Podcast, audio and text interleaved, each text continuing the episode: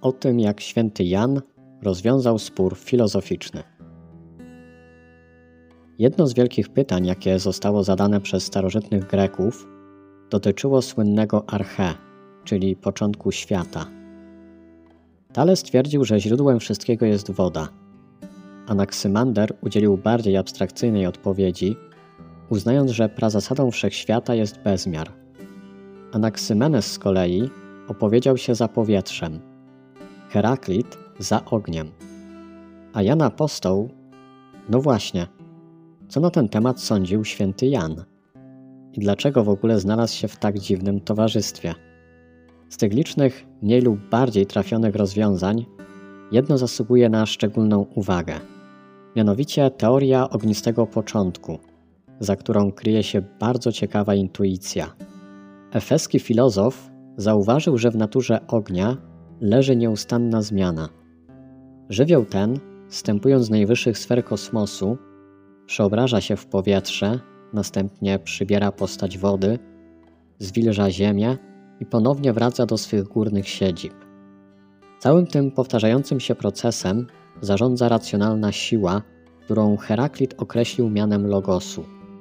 Logos odnosi się więc do wszystkiego, co związane jest z rozumem, myślą, sensem czy też słowem.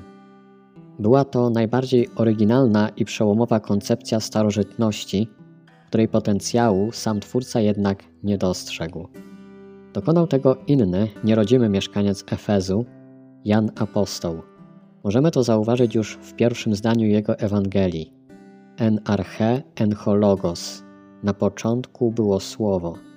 Święty Jan ogłasza, że owym arche, tak usilnie poszukiwanym przez Greków, nie jest żaden materialny żywioł, ale właśnie logos. To wydawać by się mogło lakoniczne zdanie zawiera dwie zasadnicze kwestie. Po pierwsze, u podstaw świata, w którym żyjemy, leży sens.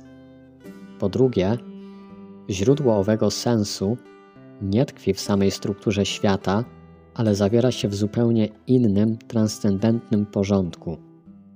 Oczywiście Jan o własnych siłach nigdy nie doszedłby do tego niewyobrażalnego odkrycia. Stało się to możliwe tylko dzięki temu, że ów Logos wszedł w ludzką historię i dał się poznać bezpośrednio, w konkretnym ciele i w konkretnym czasie. Prolog Janowy nie jest więc jakąś spekulacją pobożnego Żyda, lecz wyrazem osobistego doświadczenia wcielonej tajemnicy. Co było od początku, co usłyszeliśmy, co na własne oczy zobaczyliśmy, co dokładnie obejrzeliśmy i czego nasze ręce dotykały odnośnie słowa życia. Objawione bowiem zostało życie. My ujrzeliśmy je i jesteśmy jego świadkami.